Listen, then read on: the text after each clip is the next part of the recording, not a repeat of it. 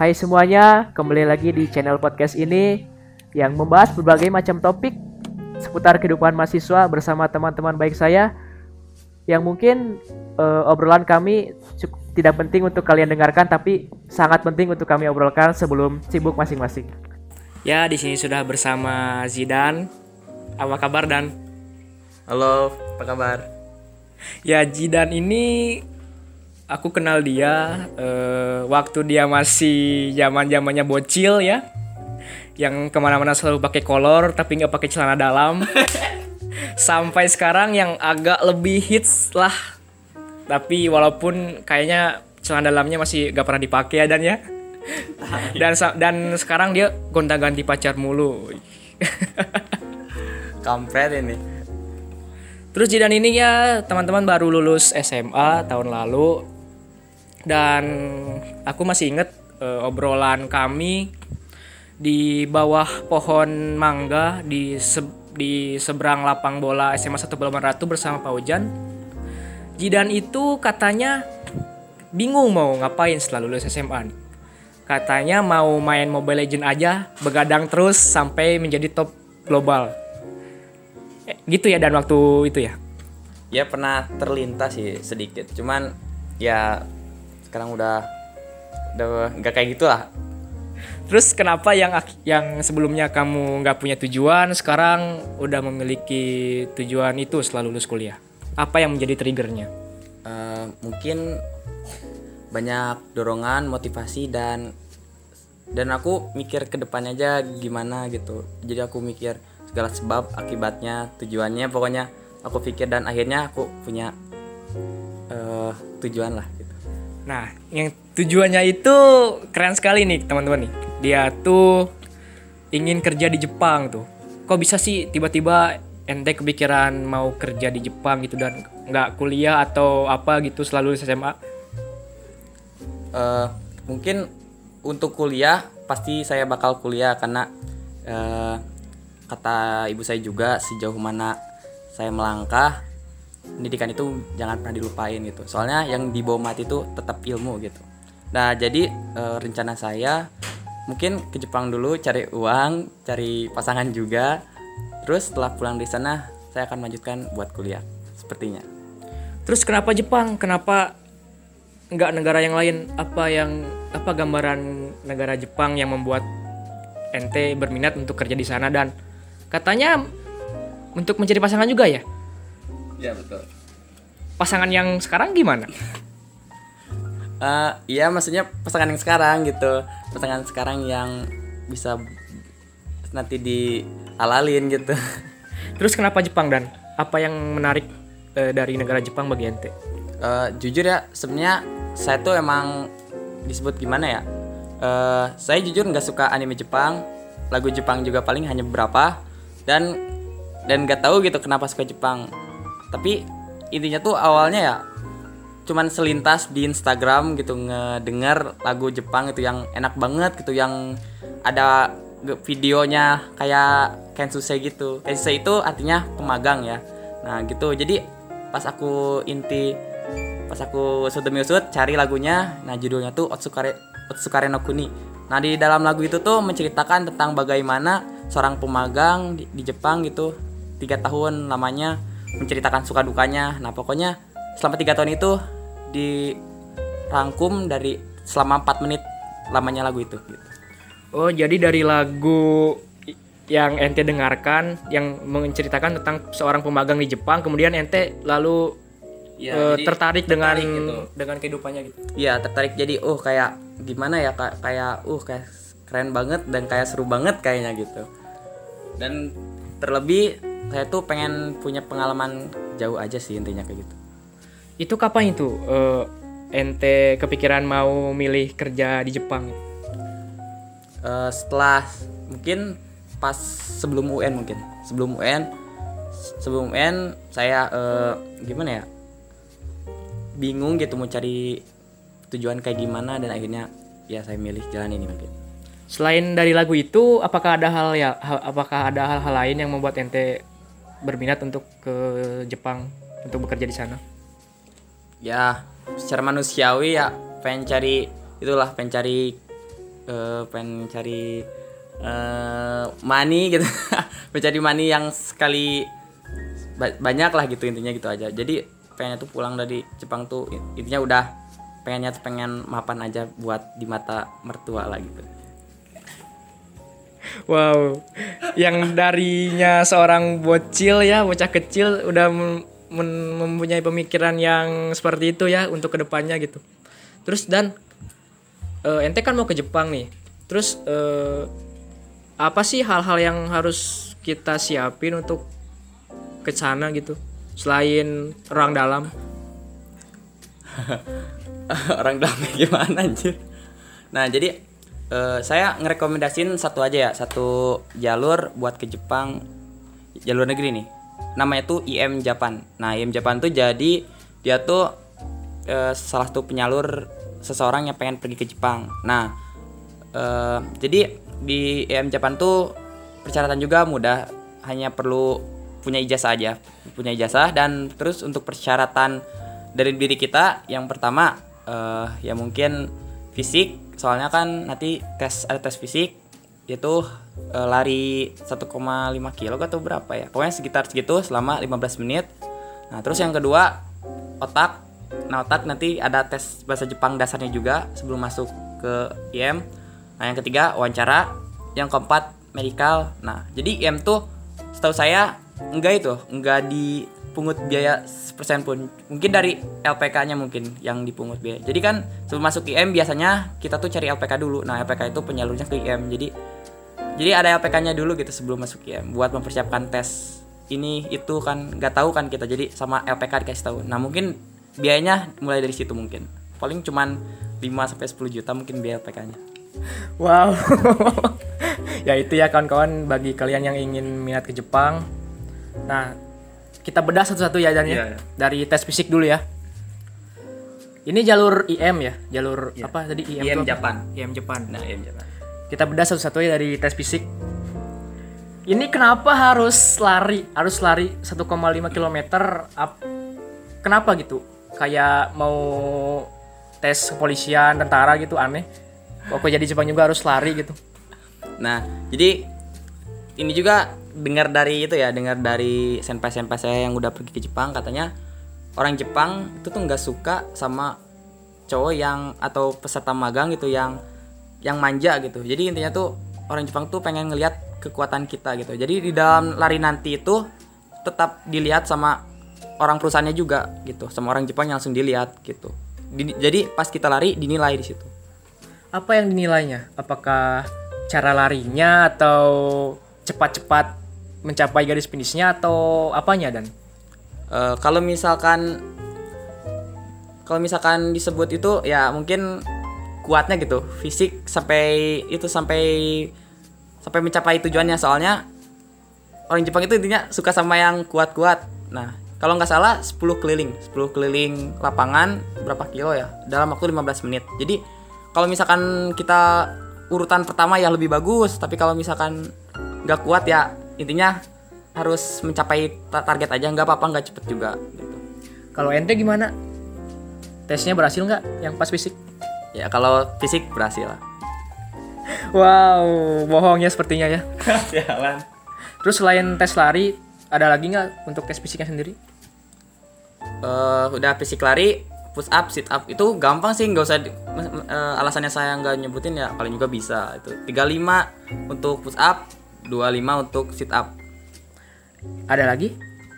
nggak kalau fisik mungkin segitu Oke, lan- lalu lanjut ke tahap kedua yaitu yang otaknya ya. Itu maksudnya apa itu? Yang otak ngerjain soal atau gimana gitu? Nah, jadi otak tuh ada kebagi jadi berapa ya? Pokoknya yang intinya ada tes kotoba. Tes kotoba tuh kotoba tuh dalam bahasa Indonesia kosakata gitu. Widih, mantap sekali kawan-kawan.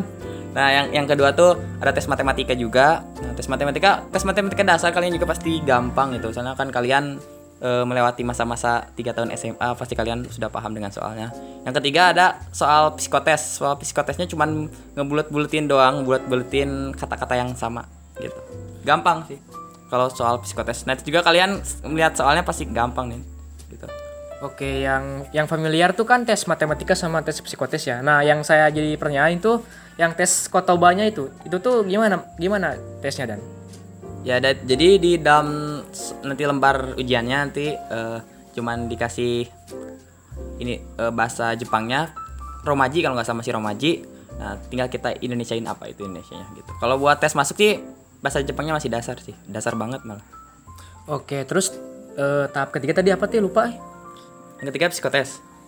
Bukan fisik yang otak Oh, terus wawancara itu. Oh, wawancara gimana wawancara? Ya, wawancara itu biasanya sering disebut, sering disebut mensetsu ya. Nah, jadi Eh, itu bahasa pakai bahasa apa? Bahasa Jepang, bahasa Inggris? mensetsu Jepang.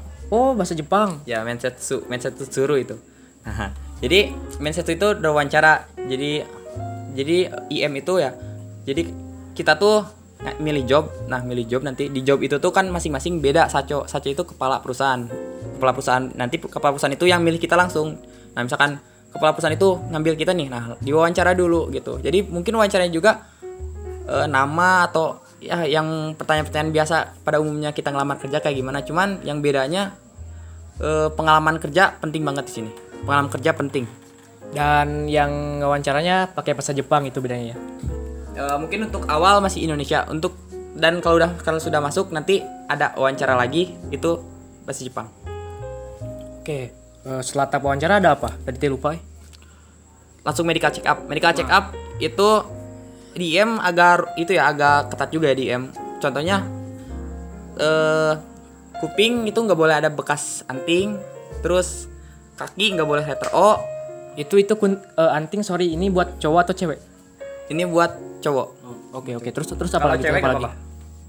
ya medical check up terus kaki nggak boleh letter O atau atau pokoknya yang eh, yang umumnya lah gimana gitu yang lurus gitu kakinya. Pokoknya nggak ada masalah. Pokoknya di M tuh medical check up gitu kayak gitu penting banget. Soalnya beda dari jalur-jalur la- lainnya IM itu lebih selektif banget gitu milih peserta magangnya. Kalau mata itu mata nggak boleh minus juga atau enggak? nah kalau mata itu harus sehat harus sehat. Jadi jadi kebanyakan mungkin eh, orang-orang yang daftar di IM itu setelah melalui tiga tahap sebelumnya mungkin di medical check up-nya ini sangat teliti sekali mungkin ya. Ya, saya juga pernah punya teman gitu yang teman udah semua sudah lancar, cuman pas di medical check up-nya malah ini pas udah mau terbang, kan ada medical check up terakhir tuh. Nah, pas medical check up-nya dia kayak gimana ya? Kayak kurang sehat gitu, langsung di cancel ya, nggak berangkat. Wow, mungkin bukan rezekinya ya bagi anak itu ya. Iya, iya. Mungkin Jepang terlalu eh menakutkan bagi dia. Terus dan eh, ente sekarang di tahap apa untuk eh, pergi ke Jepang? Nah, kalau saya di tahap itu job mungkin job. Jadi ke Jepang itu pertama paspor udah pasti ya dokumen-dokumennya nih. Yang pertama paspor, yang kedua visa, yang ketiga LG.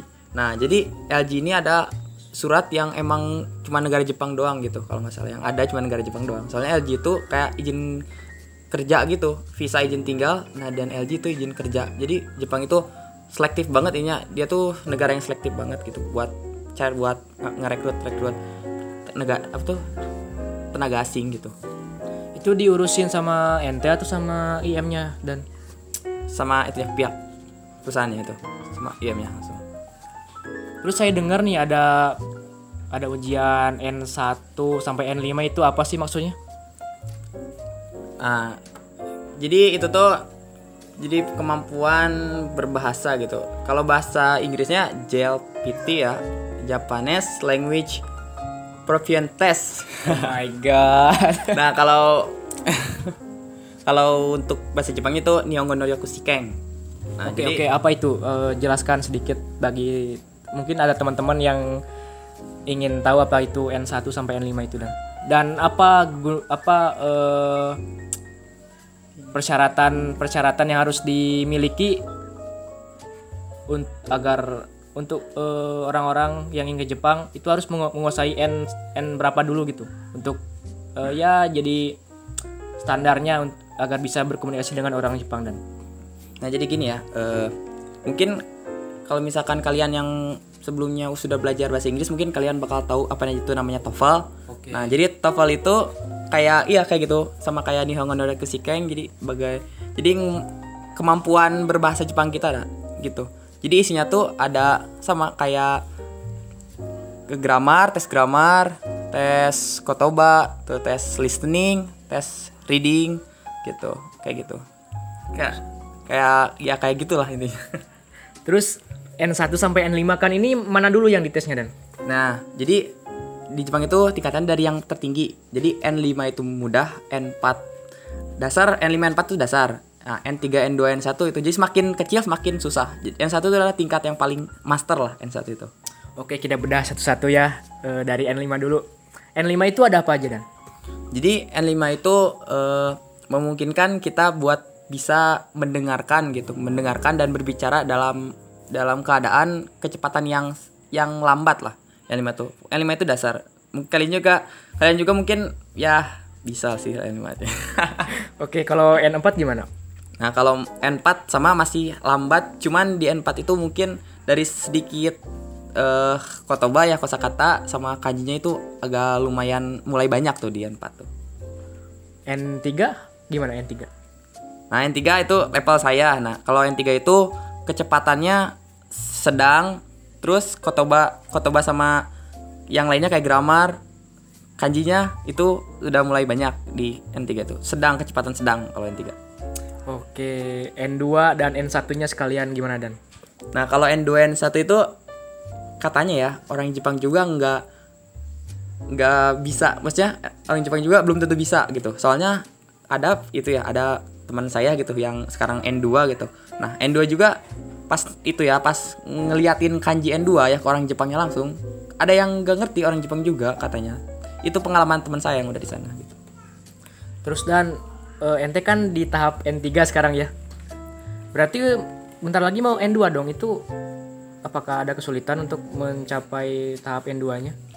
mungkin menurut aku kalau kalau mau misalkan untuk yang di Indonesia yang belum pernah ke Jepang untuk mencapai N2 mungkin harus kuliah sih menurut aku. Harus kuliah. Harus kuliah. N- kalau mau injek N2 itu. Kecuali kalau misalkan kita langsung kita ke Jepang. Soalnya di N2 itu ada bahasa-bahasa biasa gitu. Bahasa-bahasa biasa gitu yang mungkin di buku kayaknya nggak ada deh. Jadi kita tuh harus mendengarkan secara langsung oh situasinya kayak gini pengucapannya kayak gini pendengarannya kayak gini. Jadi kita harus langsung merasakan gimana itu lingkungan Jepang itu N2 itu harus wajib. Jadi eh, minimal tuh N5 sampai N3 ya untuk bisa ke Jepang itu ya. enggak sih kalau tapi gini ya eh, minimal kalian punya N4 aja lah soalnya ada perusahaan yang diwajibkan kalian harus mempunyai N4 untuk persyaratan mendaftar ke perusahaan tersebut ya N4 N4 lah N4 tuh udah udah disebut ya segitulah N4 ya Oke dan eh, memang apa sih tu- eh, tujuan ente ke Jepang? Eh perusahaan apa? Maksudnya perusahaan apa yang menjadi tujuan ente bekerja di Jepang sama kotanya kota apa? Nah, kalau kalau saya itu di perusahaan Yuki Plan ya. Yuki Plan itu berletak di Nagoya. Nah, itu tuh pabrik pembuatan knalpot motor. Terus kenapa kenapa ente milih ke situ dan? Nah, kalau itu sih sebenarnya gimana ya? Itu bukan pilihan saya, tapi yang pilihan saya adalah pabriknya itu. Daripada bangunan mending pabrik lah. Kalau bangunan itu terlalu berat lah mungkin kalau bangunan itu taruhannya sama nyawa lah. Oke, kan ini kerjaannya di pabrik knalpot motor ya. Terus ente kan yang jurusan SMA gitu bukan spesifik SMK yang belajar otomotif juga terus eh, kok ente milih itu sih? Dan apakah di sana juga di ada pelatihannya gitu untuk eh, belajar cara membuat knalpot yang seperti itu dan Nah jadi gini ya, eh, setiap Kensu saya, Kensu itu pemagang, ya saya tekankan lagi bisa kalian lupa gitu. Ya. Nah jadi untuk yang baru ke Jepang, nah satu bulan kalian ada di Kensu Senta. Kensu Senta itu adalah pusat pelatihan. Nah di situ satu selama satu bulan kita dikasih uang kurang lebih 6 juta. Nah 6 juta itu untuk eh, uang kita bertahan hidup sampai mendapatkan gaji pertama gitu. Di di Senta kita diajar bahasa, bahasa dipertekankan lagi. Yang kedua diajar skill mungkin, skill di situ. Oke dan Oh ternyata seperti itu ya. Walaupun dari mana kita jurusan kita berasal se semasa SMA-nya, jadi eh, tidak masalah karena selag- eh, selama kita menguasai bahasa Jepang sampai N4 di perusahaannya juga pasti ada pelatihan gitu ya. pokoknya gini ya eh, nggak nggak rugi loh kalau kita belajar punya N5 N4 N3 N2 N1 juga nggak rugi. Soalnya orang Jepang itu orangnya menghargai banget menghargai orang yang mau belajar bahasa Jepang. Soalnya sudah di- dibuktikan oleh teman saya ya yang sekarang ada di di Indonesia. Dia kerja di perusahaan Toyota tapi terus dia megang N2 dia 17 juta gaji jadi cuman dia doang yang beda dari yang lain Keren keren semoga lancar ya Dan ya.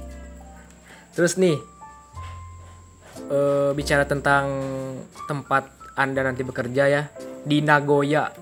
Emang itu tempatnya seperti apa dan apakah anda sudah riset, sudah riset seperti eh, sudah riset seperti apakah tempatnya atau apanya gitu? Jangan jangan-jangan nanti di sana ente nggak betah juga gitu gara-gara lingkungannya gitu. jujur ya mungkin yang gimana ya aku tuh orangnya nggak tahan cuaca dingin sih sebenarnya tuh nggak tahan cuaca dingin. Mungkin yang yang harus aku persiapin mungkin dari fisik mungkin di di Indonesia mungkin fisik dulu sebelum nanti memper gimana ya merasakan musim dingin. Soalnya musim dingin di Jepang itu bukan bukan nggak ada enaknya itu kata teman-teman aku yang baru berangkat juga emang nggak- emang di Indonesia kita lihat enak salju salju gitu tapi enggak sebenarnya enggak. Itu katanya ada teman aku juga sampai mimisan gara-gara enggak kuat sama dinginnya gitu. Menyeramkan musim dingin di luar negeri itu. Soalnya sampai minus derajatnya juga kayak gitu. Berarti Nago di Nagoya itu cuaca pada saat musim dinginnya itu cukup ekstrim ya. iya. Dan satu hal lagi dan ente kan sebagai muslim nih. Apakah di Nagoya itu sangat mudah untuk mendapatkan makanan-makanan halal dan ketika un- untuk beribadah atau sholat gitu dan di Nagoya itu apakah sudah ada apakah sudah difasilitasi oleh pemerintah sana atau gimana dan? Nah jadi sebelum wawancara juga sudah diteg- sudah ditegasin sama perusahaan aku Yuki Plan bahwa kalau pas jam kerja itu nggak boleh sholat. Em- itu emang kayak gitu di Jepang tuh rata-rata. Terus terus gimana dong?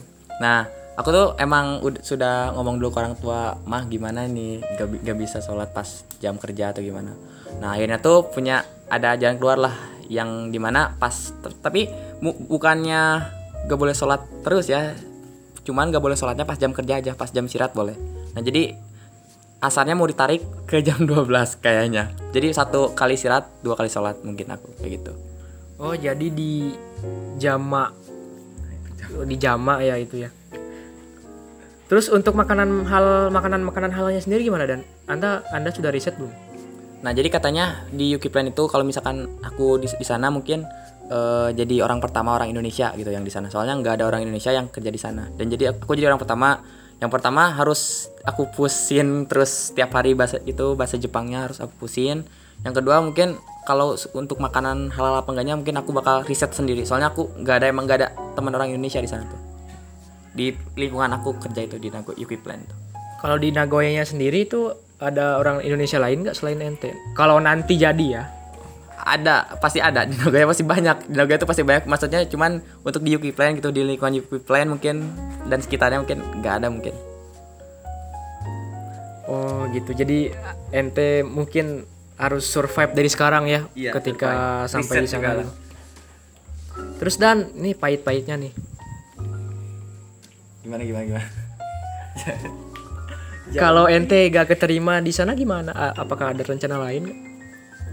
gimana ya kalau aku masih kayak itu ya kayak si Jerome Pauline aja ya kalau misalkan ingin mencapai sesuatu ya capailah kalau terus yang beda da- motivasinya aku mah gini aja sih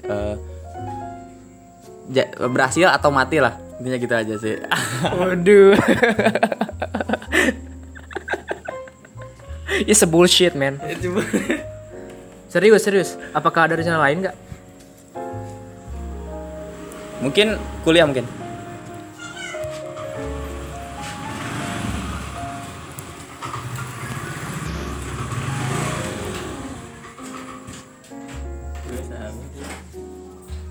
Apakah ada rencana lain dan ketika ente tidak terpilih?